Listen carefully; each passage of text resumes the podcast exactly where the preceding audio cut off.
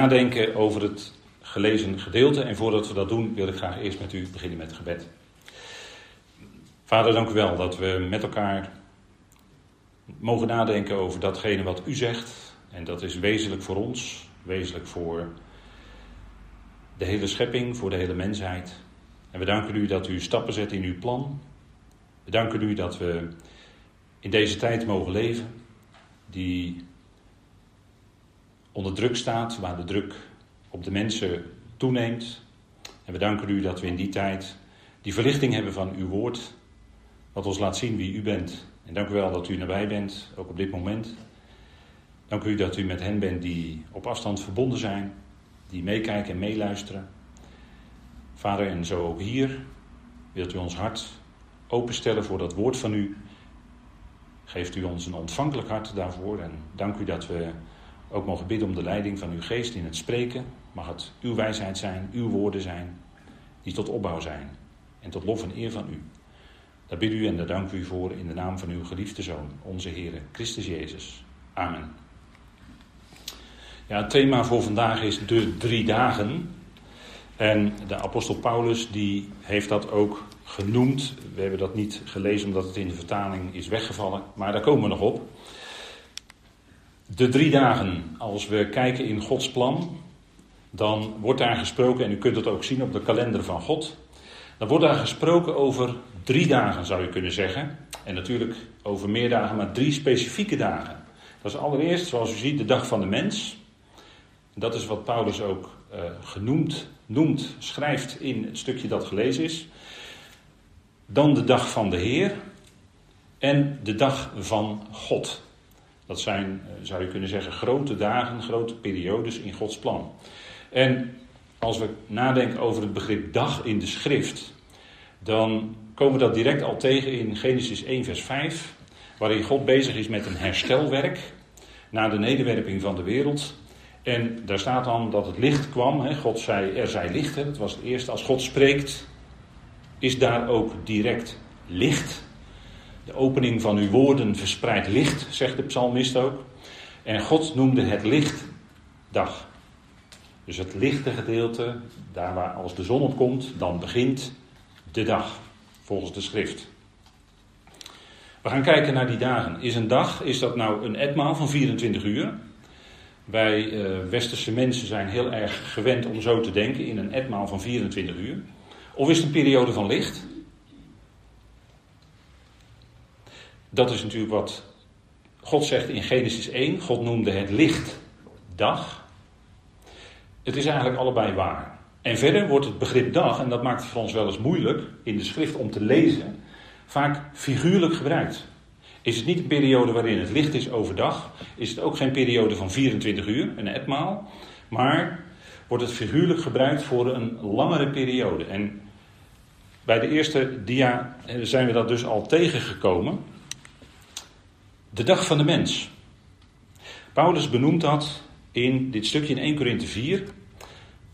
Hij zegt in dat derde vers, als hij schrijft aan de Corinthiërs, een gemeente waar veel kritiek was op de apostel Paulus. En hij schrijft dan: Het betekent zeer weinig voor mij dat ik door jullie beoordeeld word, of door een menselijk Oordeel staat er dan in de vertaling, maar eigenlijk staat er daar het woord dag. En in ons Nederlands taalgebruik is het woord dag ook een aanduiding voor oordeel. Bedenk maar, Maarten Luther, die moest op een gegeven moment verschijnen voor de Rijksdag in Worms. Dus dat is een andere invulling van het begrip dag. Hè? Maar hier gebruikt Paulus dus het woord dag. Dat ik door jullie beoordeeld word, of door een menselijke dag. Ja, ik beoordeel ook mijzelf niet, maar hij laat het over aan de Bema. En ik denk dat dat een hele belangrijke raadgeving van de apostel Paulus is. We kunnen elkaar natuurlijk in het licht van Christus als mensen beoordelen. En we kunnen uh, proberen elkaars motieven te proeven. Maar Paulus geeft hier heel duidelijk aan in dit gedeelte dat we dat beter kunnen overlaten in, aan die dag. Welke dag is dat? Dat is die dag waarin wij bij de Heer zijn. En wij staan voor de rechterstoel van Christus, zoals dat in de NBG-vertaling heet, voor de Bema. waar de prijzen worden uitgedeeld. Vers 5, hè? Zegt Paulus dat? Daarom richt of oordeel niets voor de tijd dat de Heer komt. Wij kennen niet elkaars motieven, wij kijken tegen elkaars buitenkant aan. Maar op, in, bij de Bema zal blijken wat de raadslagen waren van ons hart. Met welke motieven wij de dingen hebben gedaan die we hebben gedaan in het lichaam van Christus. En dat is wat Paulus hier zegt. En we zouden er wijs aan doen om deze raadgeving van de apostel Paulus ook op te volgen. Dat is dus heel praktisch hè, voor ons dagelijks leven. En um, we leven dus nu in de dag van de mens. Waarin de mens centraal staat, waarin de mens de schijnwerper zet op zichzelf. De mens staat centraal. En we leven in de dagen dat we die culminering, hoogtepunt krijgen van de dag van de mens. De dag van de mens. Dat is als een mens op de troon gezet wordt en, en de hele wereld onderworpen wordt aan de heerschappij van één mens. Wordt alles gecentraliseerd in die ene waar Paulus over spreekt in 2 Thessalonicense 2, de wetteloze. De mens centraal. We leven die dag. En we leven heel erg toe in de wereld naar dat moment dat het ook daadwerkelijk gaat gebeuren. De dag van de mens. En in die dag van de mens is ook iets geweldigs gebeurd. Het centrale gegeven in heel Gods plan gebeurde in de dag van de mens. Hij kwam, de Heer, onze Heer Jezus Christus, kwam als mens op aarde. Niet om zichzelf te verhogen, niet om te heersen, maar om te dienen. En dat deed hij, ootmoedige gezindheid, hè? Uh, nederig gezind zijn. Niet hooggezind zijn, maar juist ootmoedige gezindheid. Dat spreidde hij tentoon. En die gezindheid zou ook in u en in mij zijn, die in Christus Jezus was. God heeft zijn eigen zoon niet gespaard. Dat is heel kostbaar. Dat is liefde. Dat is, dat is zoiets geweldigs wat hier staat in Romeinen 8, vers 32. Hij heeft zijn eigen zoon niet gespaard. Hij die mens werd. Die zonder zonde was. Werd notabene op Golgotha tot zonde gemaakt. En dat was alles beslissend in heel Gods plan. Dat was het grote keerpunt, zou je kunnen zeggen. Dat is het scharnier waar heel Gods plan om draait. En met hem werd ook die hele mensheid mee gekruisigd. Hij heeft zijn eigen zoon niet gespaard, maar hij heeft hem voor ons allen overgegeven. dat woord overgeven in die bijzondere constructie hier in de grondtekst wordt hier alleen gebruikt. De enige keer dat dit echt voor het geven van God, van zijn zoon, wordt gebruikt. Hij heeft hem voor ons allen overgegeven, zegt Paulus. Wat een liefde. Wat kostbaar is dat. Elke keer als je deze woorden leest, ik weet niet hoe het u vergaat, maar elke keer als je deze woorden leest, dan, dan raakt dat je hart. En dan word je er weer opnieuw blij en dankbaar mee. Hij heeft zijn zoon niet gespaard. Maar hij heeft hem zijn geliefde zoon. Waarvan hij zei bij de doop, toen hij in de Jordaan gedoopt werd: Deze is mijn zoon, mijn geliefde, hoort naar hem.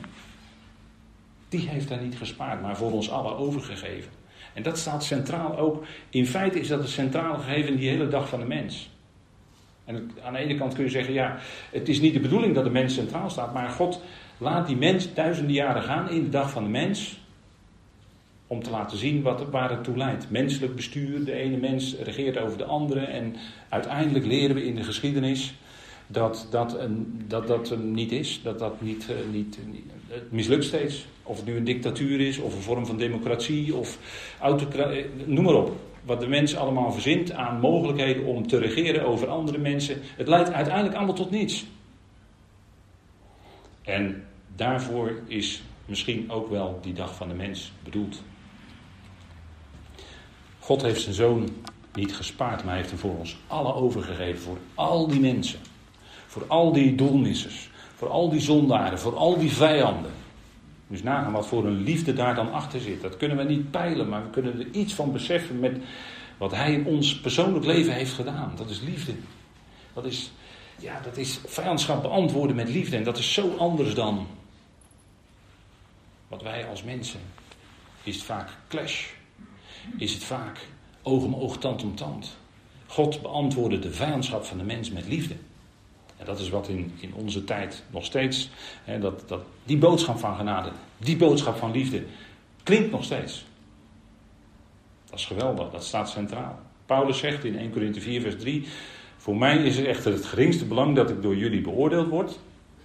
Of door een menselijke dag. Dat is wat er eigenlijk staat. Ja, ook mijzelf beoordeel ik niet. Paulus liet uiteindelijk het aan de Heer over. En dan noemt hij dat ook in andere schriftplaatsen die dag. Dat is de dag van Christus. Dat is de dag waarin we bij Hem zullen zijn, waarin Hij ons gaat beoordelen. Hij is het hoofd. Hij is het hoofd. En er kan niemand in de plaats komen van Hem. Er is maar één hoofd van het lichaam van Christus. Wereldwijd, en dat is Hij. En Paulus die laat het oordeel dan ook over. En hij rechtvaardigt zichzelf ook niet. Hè? Paulus rechtvaardigde zichzelf niet. Want de Heer zou hem in die dag zal het laten zien wat de motieven waren voor zijn dienstbetoon, hoe die bezig was, hoe die werkte, hoe die, vanuit welke motieven, vanuit welke gezindheid enzovoorts. Een wijze raad van de apostel Paulus. En ik weet niet hoe dat u vergaat, maar ik denk daar regelmatig aan, aan deze woorden. En dat bewaart je voor uh, ongenuanceerd commentaar geven op anderen. Het bewaart je voor het uh, proberen te beoordelen van de motieven van de. Je weet het niet. Bid er maar voor. Dat is wijzer, denk ik. Het einde van de dag van de mens, want ik wil met u vandaag toch kijken naar die dag van de mens, de dag van de Heer en de dag van God. Het einde van die dag van de mens is als Jezus Christus, de zoon des mensen, de zoon van Adam, zijn voeten gaat zetten op de olijfberg. Dat is zijn zichtbare komst voor Israël en de andere volkeren. Dat is een moment wat in de profetie is aangekondigd. Dat is een moment waar hij over jezelf duidelijk gesproken heeft. En op dat moment, hè, u ziet dat blauwe pijltje, op dat moment eindigt de dag van de mens. Die eindigt op het moment dat hij zijn voeten zal zetten op de olijfberg. En dan zijn er al naar het boek Openbaring allerlei gerichten over de wereld gegaan, allerlei oordelen die een uiting zijn van Gods verontwaardiging over de mens. Daar is alle reden toe. Maar dat is dan voorbij. En dan komt hij en dan zet hij zijn voeten op de olijfberg. Dat is een enorm gebeuren voor Israël. In Zacharia wordt daarover gesproken. Dat, dat hij dat zal doen. En dan zullen de stammen van het land, staat er, die zullen rouwklagen. Het zal een grote rouwklacht zijn, want ze zullen zien wie ze doorstoken hebben. Dat ze hun Heer, hun Messias, doorstoken hebben. Zij zullen dat zien. En dan zal de rouwklacht groot zijn. En dat zal enorm gebeuren zijn. En dan zal voor de mensen duidelijk worden om wie het in feite werkelijk draait. Het draait niet langer om die mens, maar het draait om hem. De dag van de mens. Daar eindigt het mee, hè? zijn komst, zijn, hij zal zijn voeten zetten op de olijfberg. En dan is er heel veel gebeurd. En nu in onze dagen is er in de wereld veel onrust, er gebeuren heel veel dingen, wereldwijd. Gebeurtenissen van de afgelopen 14, 15, 16 maanden zijn ongekend geweest, zoals nog nooit in de geschiedenis vertoond. Wereldwijd dezelfde maatregelen getroffen. Er is veel aan de hand en er zal nog heel veel gebeuren voordat hij zijn voeten zal zetten op de Olijfberg. De dag van de Heer, dat is wat gaat komen. Wat gaat komen. Johannes schrijft erover in Openbaring dat hij in de geest werd overgeplaatst in de dag van de Heer. Openbaring 1, vers 10. En dan gaat Johannes schrijven wat hij allemaal zag. En hij zag allerlei zaken en er was veel ook symbolisch. En dat wordt ook dan in het boek Openbaring uitgelegd. En dat is het begin, hè, Johannes die ziet een aantal dingen, dan gaat hij schrijven en dat is datgene wat gebeuren gaat in de dag van de Heer. Hij werd in de geest overgeplaatst toen hij op Patmos was, in de dag van de Heer. Een specifieke uitdrukking in de schrift, die 24 keer voorkomt, als, puur als uitdrukking de dag van de Heer, of de dag des Heren, hè, zoals, we, zoals u misschien gewend bent hè, in uw oren. En Johannes werd overgeplaatst en hij beschrijft dan een heleboel dingen die gebeuren gaan. En dat is toekomst. En nu is het punt dat die dag van de mens, die gaat dan over in de dag van de Heer. En is de vraag, is het nu zo dat die dag van de mens op een gegeven moment stopt en dat dan direct daarna de dag van de Heer begint? Is dat zo? We gaan het zien. het doel van de dag van de Heer is, omdat de mens zichzelf nu op een voetstuk zet, omdat de mens zichzelf nu op de troon stelt, en, en straks in de wetteloze wordt dat helemaal gecentreerd. Het doel van de dag van, van de Heer is dat in die dag alleen de Heer verhoogd zal zijn. Vandaag aan de dag verhoogt de mens zichzelf. Maar in die dag is alleen de Heer verheven, zegt Jezaja 2. Jezaja 2 is het eerste waarin die melding wordt gemaakt van die dag van de Heer. En er wordt er twee keer heel duidelijk gezegd dat God, dat de Heer, dat Yahweh een einde gaat maken aan het zich verheffen van de mens. Dan zal in die dag alleen de Heer, zal alleen Yahweh verheven zijn. Zoals wij dat al in ons leven erkennen. Als we beleiden, Jezus is Heer, Jezus is Curios over mijn leven. Hij is Curios over mijn handel en wandel. Dat erkennen wij nu al. Maar in die dag zal de hele wereld dat gaan erkennen. En in die dag zal hij daadwerkelijk verheven zijn en hoog verheven worden door Israël. En onder leiding van Israël gaat dat ook uit naar de andere volkeren, die boodschap. En de mens wordt dan verlost van de boze. U bent dat misschien vanuit een traditie wel gewend geweest om aan tafel dat te horen bidden. Verlos ons van de boze. En dat is ook een gebed wat in de Bijbel staat. En wat Israël heel hard zal nodig hebben in de komende tijd. En de Heer zal dan ook precies op tijd komen om hen te verlossen van de boze. En die dag van de Heer die begint met allerlei gerichten, zoals die in openbaring beschreven staan. Als we ons afvragen, wanneer begint nou eigenlijk de dag van de Heer? En misschien is dat wel voor u. Heeft u misschien daar allerlei ideeën bij. En er gaan natuurlijk allerlei berichten en allerlei meningen zijn daarover en allerlei gedachten. Maar is het niet zo dat voor ons specifiek als lichaam van Christus, voor ons de dag van de Heer begint als wij weggenomen zijn, als wij snel weggerukt zijn bij de bazuin van God? Paulus verwijst in zijn brieven regelmatig, en ik op deze dia wat, wat verwijzingen opgeschreven. Maar Paulus verwijst naar de dag van Jezus Christus. Dat hij nu zijn wandel en handel en dienstbetoon doet met het oog op die dag. En die dag is in feite de dag van de Heer Jezus, zo noemt hij dat ook in Korinthe. Of de dag van de Heer Jezus Christus. Op het moment dat wij weggenomen worden, begint voor ons eigenlijk de dag van de Heer. Want Christus is de gezalfde. En als zodanig is hij in de functie van profeet, priester en koning, zoals dat in de openbaring beschreven wordt. En gaat hij in de wereld orde op zaken stellen als de gezalfde van God. Als degene die dat moet doen. En wij zijn nu al leden van het lichaam van Christus. En voor ons begint die dag na de bazuin van God. Dat is de Bema, hè, zoals we dat uh, met ons taalgebruik tegen elkaar zeggen. De Bema. Het erepodium waar we dan op gesteld worden. Waar de prijzen uitgereikt worden. Waar als die raadslagen van de harten geopenbaard worden, ieder lofprijs zal ontvangen van God. dat zegt dat vijfde vers van 1 Korinthe 4. Dat is de dag van Jezus Christus. Zo was Paulus bezig. Hij spreekt daar in Filippenzen diverse keren over. Of hij noemt dat soms kortweg de dag van Christus. Dat is voor ons. En daar leven wij naartoe. Naar die dag. En we zijn ons bewust dat we hier op aarde nog leven in de dag van de mens. Maar we leven toe naar die geweldige dag, die dag van Christus, waarin we bij Hem zullen zijn. En Hij met ons verenigd is, met alle leden van het lichaam van Christus. En hoeveel dat er zijn wereldwijd in al die tijd, 2000 jaar, we weten het niet. Maar het zijn er veel. En ik denk dat we op zullen kijken van hoeveel het er zijn. Want het is een genademoment. Het is niet afhankelijk of wij, als wij weggerukt worden van deze aarde bij de bazuin van God, als lichaam van Christus, is het niet afhankelijk van onze werken, dat moment. Nee, dat is een genademoment. Ieder lid van het lichaam van Christus wordt dan opgenomen. Niemand van de leden blijft achter. Niemand. Het is genade. Dus je hebt er niks voor kunnen doen.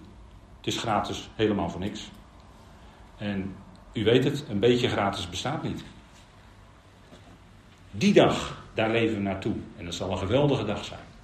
En naarmate de tijd vordert, ja, de tijd gaat snel. Even die zei het al in de liturgie, we worden oud en dat gaat snel. Het leven is als een damp, hè, zegt Jacobus. Het is zo voorbij. En naarmate die dag dichterbij komt, denk ik dat je als gelovige daar meer naar uit gaat kijken. Opname van het lichaam van Christus. Kijk, dan begint eigenlijk de dag van de Heer. En die is voor ons dan, het is voor ons dan overduidelijk. We zijn veranderd. We zijn in, in een verheerlijk lichaam bij Hem. Fantastisch. Boven, niet meer op aarde. En wij weten dan als geen ander, nu is de dag van de Heer begonnen. Maar voor de mensen op aarde zal het eigenlijk heel stilletjes, heel ongemerkt bijna, zou ik willen zeggen, zal dat beginnen. En de dag van de mens, die loopt dan nog door. Dat is misschien wel goed om even met elkaar te zien. Kijk, die periode dat de dag van de mens nog doorloopt, terwijl de dag van de Heer in feite al begonnen is, die zal, als, als u mij vraagt, zeven jaar of misschien iets meer dan zeven jaar duren. Dat is een overlap. Dat is dus de dag van de mens is nog bezig. En de dag van de Heer is dan in feite al begonnen. En dat geeft conflict. Dat geeft een clash. En dat is te merken in al wat in de openbaring beschreven staat, wat er dan allemaal gaat gebeuren. Dus dat is een overlappende periode. Ik denk dat dat toch even goed is om met elkaar vast te stellen. Want vaak is daar verwarring over. Wanneer begint de dag van de Heer nou en al die gerichten en wanneer worden wij weggenomen? En het is nu een moeilijke tijd. Leven wij misschien al in de, in de periode waar uh, de profetieën over spreken of nog niet? Die Thessalonicenzen waren daar ongerust over. En Paulus stelt ze dan gerust. Hè? Kijk, in die overlappende periode, dan is de dag van de mens nog niet voorbij. En de dag van de Heer is dan al begonnen. Dus dat is een overgangsperiode, zou je kunnen zeggen. En die periode, dat is in ieder geval de 70ste week van Daniel 9, vers 24 tot 27. En die 70ste jaarweek, dat is een periode van zeven jaren, die wordt verdeeld in de profetie in twee periodes van 3,5 jaar. En dat is hetzelfde als 1260 dagen.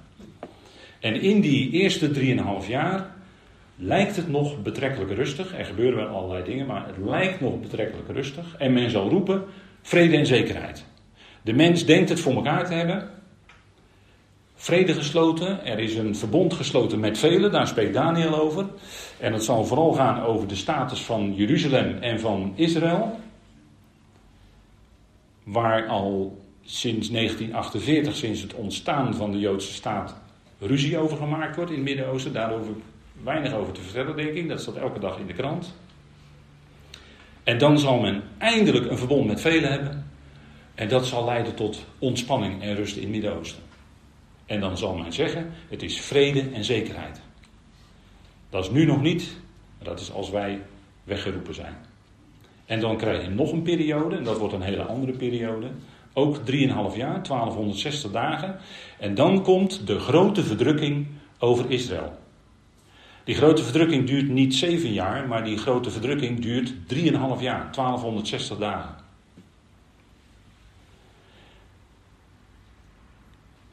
Dat is de periode waarin de dag van de mens nog bezig is en de dag van de Heer in feite al begonnen is. En die dag van de Heer is de dag van Yahweh. We hebben erover gezongen. gezongen hè? Ik ben. Prachtig lied. Ik ben en ik zal er zijn. En dat geldt voor ons nu. En de Jood die trouw is aan de Tenach, die weet dat ook. Yahweh is ik ben.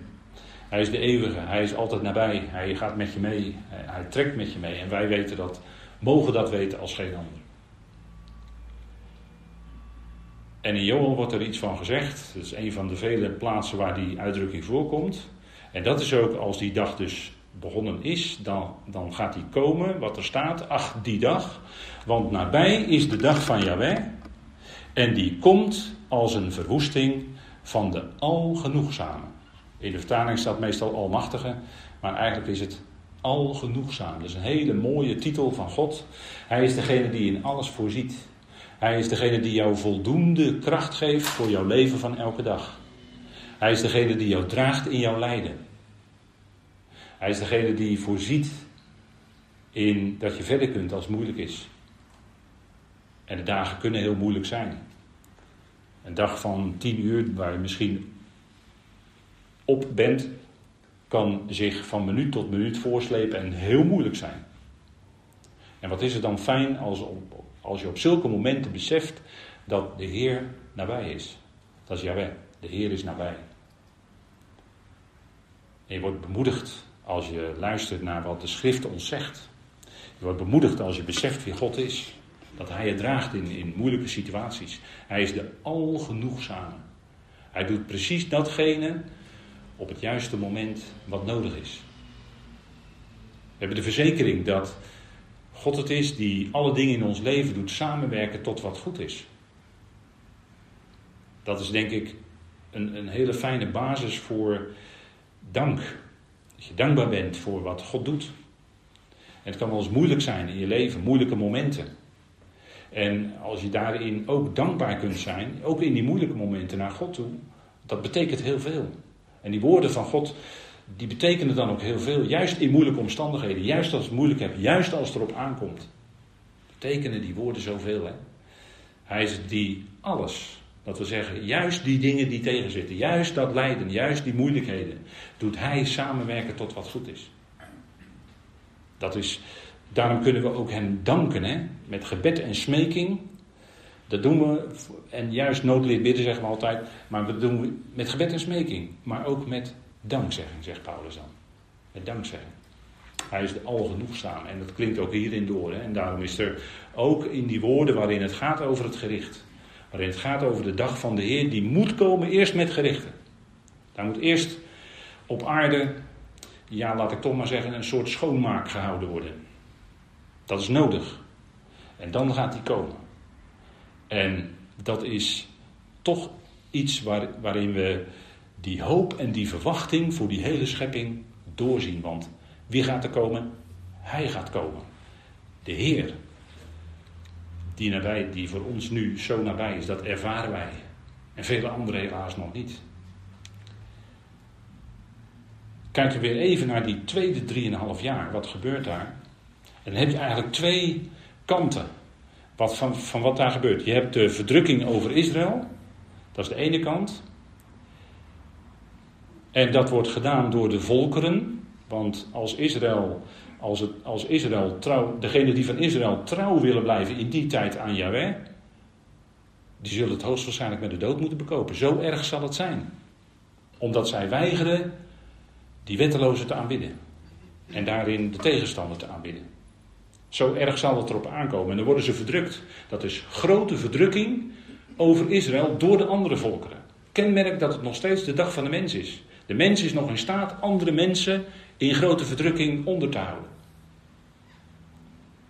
En aan de andere kant zien we dat Gods verontwaardiging blijkt. In de vertaling is dat altijd Gods toren. Maar we spreken liever over Gods verontwaardiging.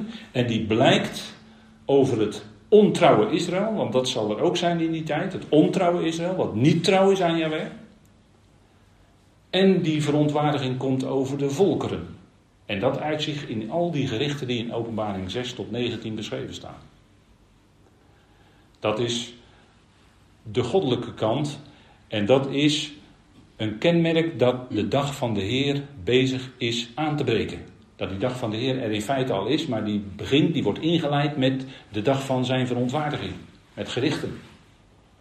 Dus je hebt in die tweede drieënhalf jaar die twee kanten. De dag van de mens is nog bezig. En de dag van de Heer is in feite al begonnen.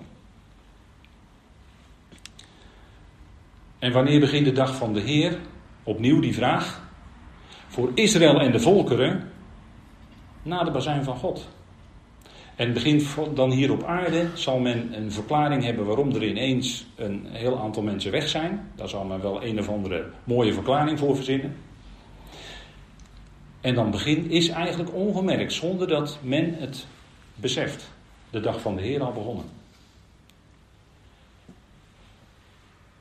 Na de bazuin van God, dat is, dat is een kenmerkend moment, dan eindigt de periode van genade.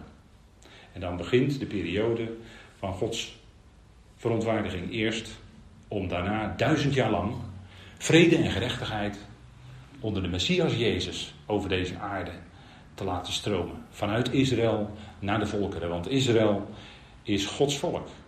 Israël heeft al duizenden jaren geleden onder de vervolging door mensen. Verschrikkelijke pogroms zijn er geweest.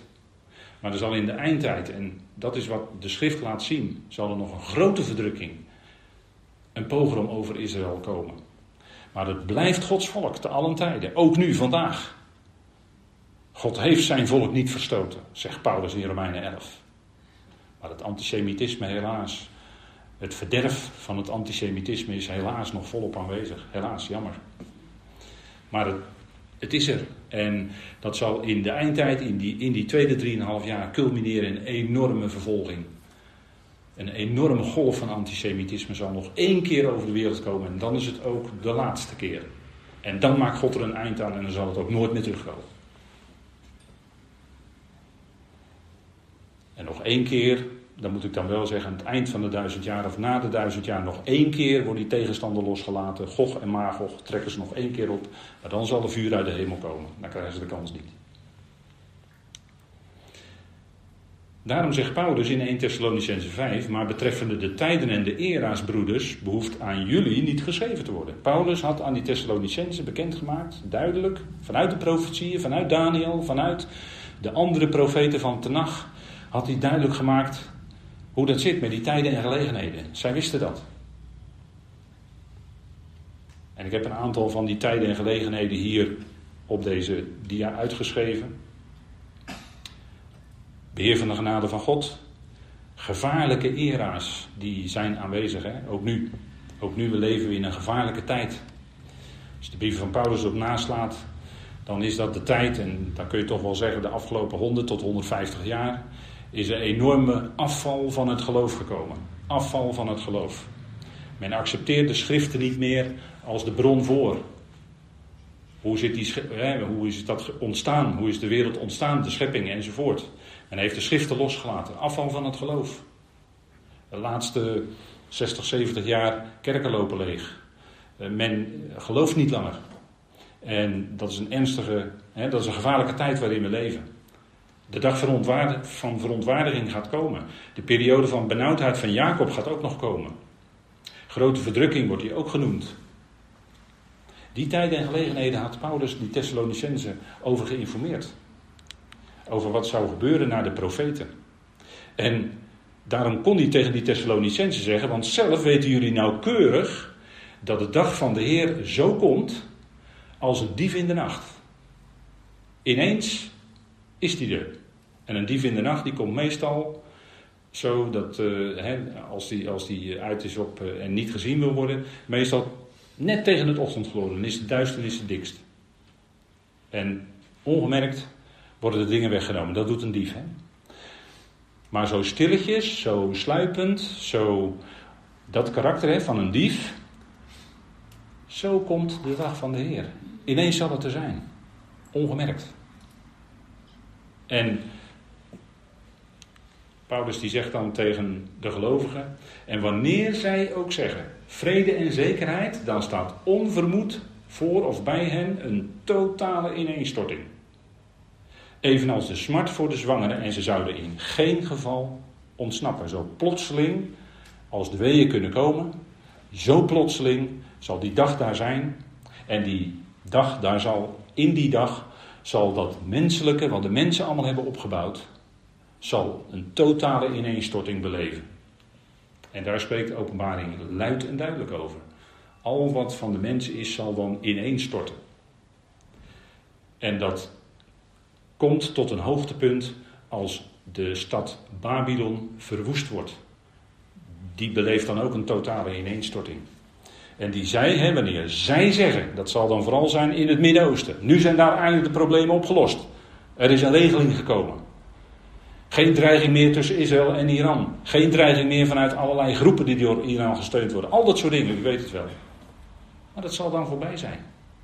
En men zal zeggen: het is vrede en zekerheid. We hebben de zaak zelf voor elkaar, zonder God. En het zal blijken dat het toch anders zit. Hè? Maar daarom zegt Paulus, maar jullie broeders zijn niet in duisternis, opdat de dag jullie als een dief zou kunnen grijpen. Want jullie allen zijn zonen van het licht en zonen van de dag. En wij zijn niet van de nacht of van de duisternis. En dat geldt natuurlijk voor ons precies eender. We zijn zonen van de dag. We zijn zonen van het licht. Dat is een prachtige beeldspraak. Maar dat wil zeggen, wij leven in het licht van God. Wij leven met het licht van Gods woord. Wij leven in de warmte van Gods liefde. En wij behoren daarom niet aan nacht of duisternis toe. Maar we hebben het licht van Gods woord ontvangen op hoe zit het in het verleden, hoe zit het nu en hoe gaat het in de toekomst verder. We hebben licht opgekregen. En Paulus had het aan die Thessalonicenzen net in het vorige hoofdstuk bekendgemaakt. Die enorme verwachting die het lichaam van Christus heeft. Dat was een totaal nieuwe onthulling. Dat was niet bekendgemaakt in de profeten. Maar dat mocht Paulus bekendmaken in een woord van de Heer. Op het moment dat de bazuin klinkt. En dat moet voor die Thessalonicenzen een, ja, een geweldige eye-opener geweest zijn. Iets heel nieuws. Ze dachten misschien wel vanuit die profetieën van Tenach van, en ze stonden onder grote druk. Omdat ze dat woord bekend maakten, stonden ze onder druk. En kwamen er allerlei, wat we dan zeggen, vurige pijlen op hen af. Omdat ze dat woord van God in een behoorlijke omgeving bekend maakten. En ze stonden, ze stonden onder druk. Er was vijandschap van de mensen. En er werden, eh, ze, op een of andere manier dachten ze dat misschien de dag van de Heer al aangebroken was. En dat er misschien zelfs al die grote verdrukking was. Dat, dat blijkt uit die tweede brief hè, die Paulus aan deze gemeente richt. En zegt hij: Nee, jullie zijn zonen van het licht. Zonen van de dag. Wij horen bij het licht, wij horen bij de dag.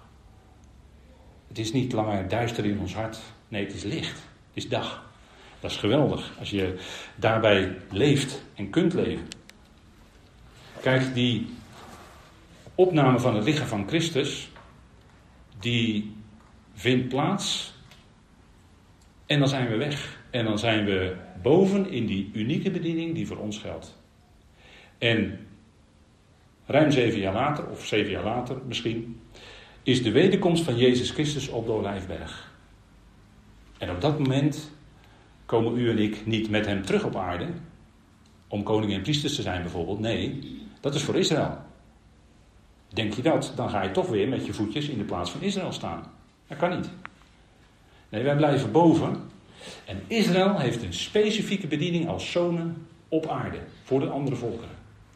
En de Heer komt hen dan op dat moment verlossen. Want zij roepen dan om hem. En dan is die er ook. En dan is de dag van de mens, dan is de dag van de mens echt voorbij. En dat is maar goed ook, denkt u misschien. Die dag van de Heer, daar wordt ook over gesproken in Handelingen 2 door Petrus. En daar zit denk ik wel iets bijzonders in misschien voor u.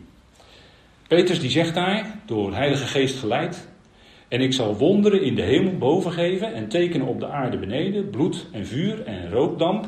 De zon zal veranderd worden in duisternis en de maan in bloed.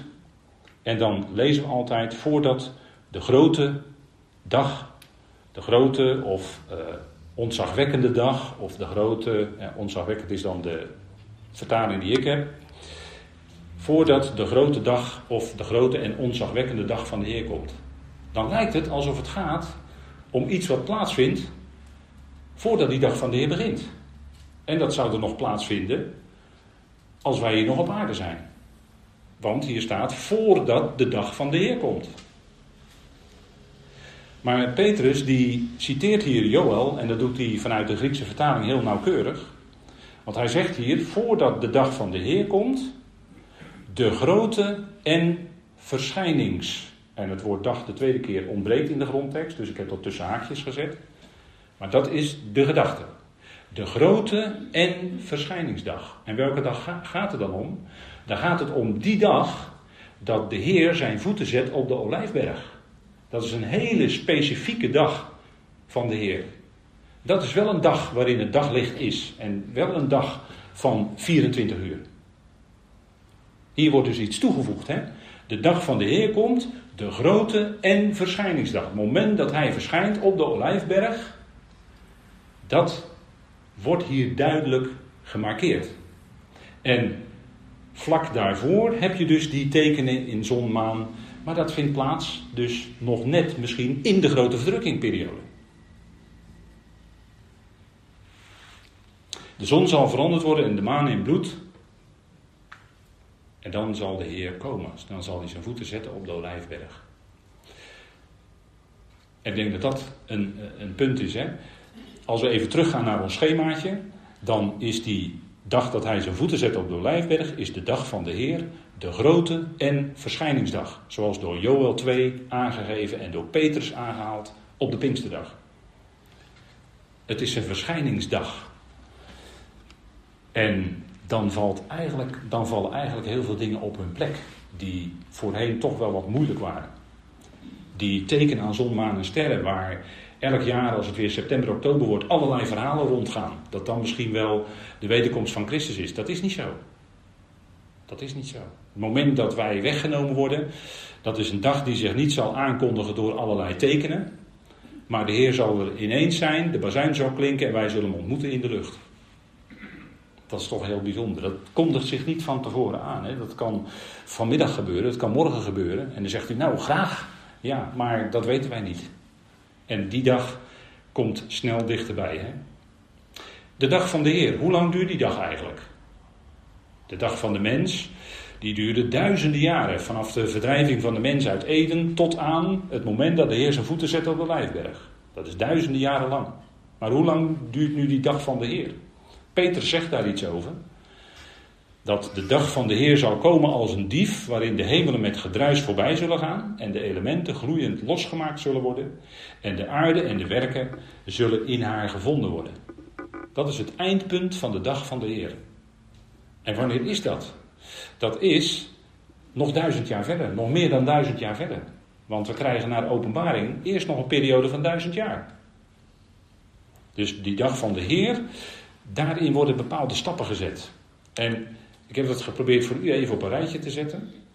Het begint met in feite het moment dat wij weggerukt worden, de dag van de Heer. En het omvat de 70ste week van Daniel. Dan duizend jaar lang de Satan gebonden. Dan wordt hij nog voor een korte tijd losgelaten, dat is waarschijnlijk 75 dagen. Dan krijg je de grote witte troon waar alle ongelovigen gericht zullen worden. En dan verbranden hemelen en aarde, dus deze hemelen en aarde en deze aarde waar wij op lopen elke dag en allerlei dingen beleven, die zal eens verbranden. En de hemelen ook. De hemelen en de aarde zullen eens verbranden. En dat is het einde van de dag van de Heer. Dus dan heeft u misschien een beetje antwoord op die vraag. En dan krijgen we wat Petrus zegt, dat de hemelen in vuur losgemaakt zullen worden en de elementen gloeiend wegsmelten. We lezen nog heel even door in 2 Petrus 3. En dat is het einde van de dag van de Heer. En in deze tekst wordt door Petrus al iets gezegd over de aanwezigheid van de dag van God.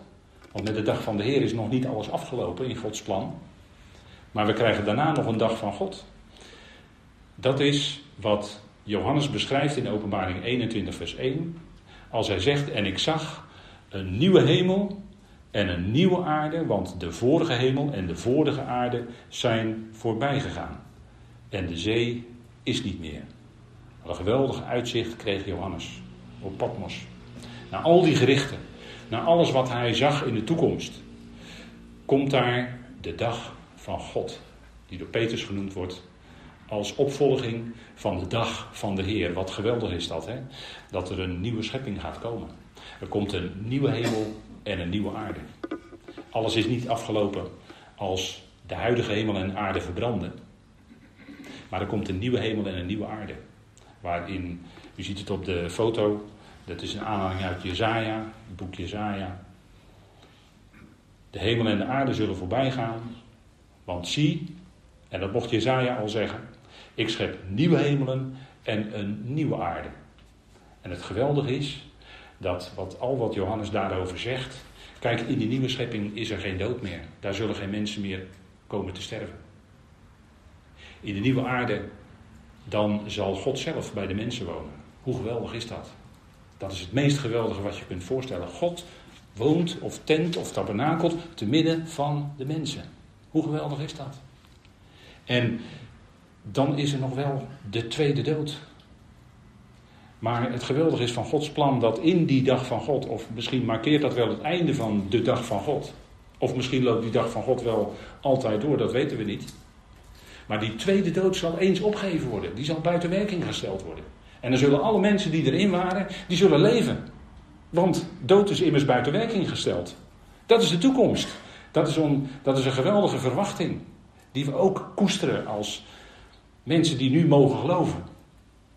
En die dag van God, misschien zou je kunnen overwegen, want in die dag van God zie je op de nieuwe aarde nog wel een bepaalde ontwikkeling. En wij zijn dan nog steeds bezig boven te midden van de hemelingen.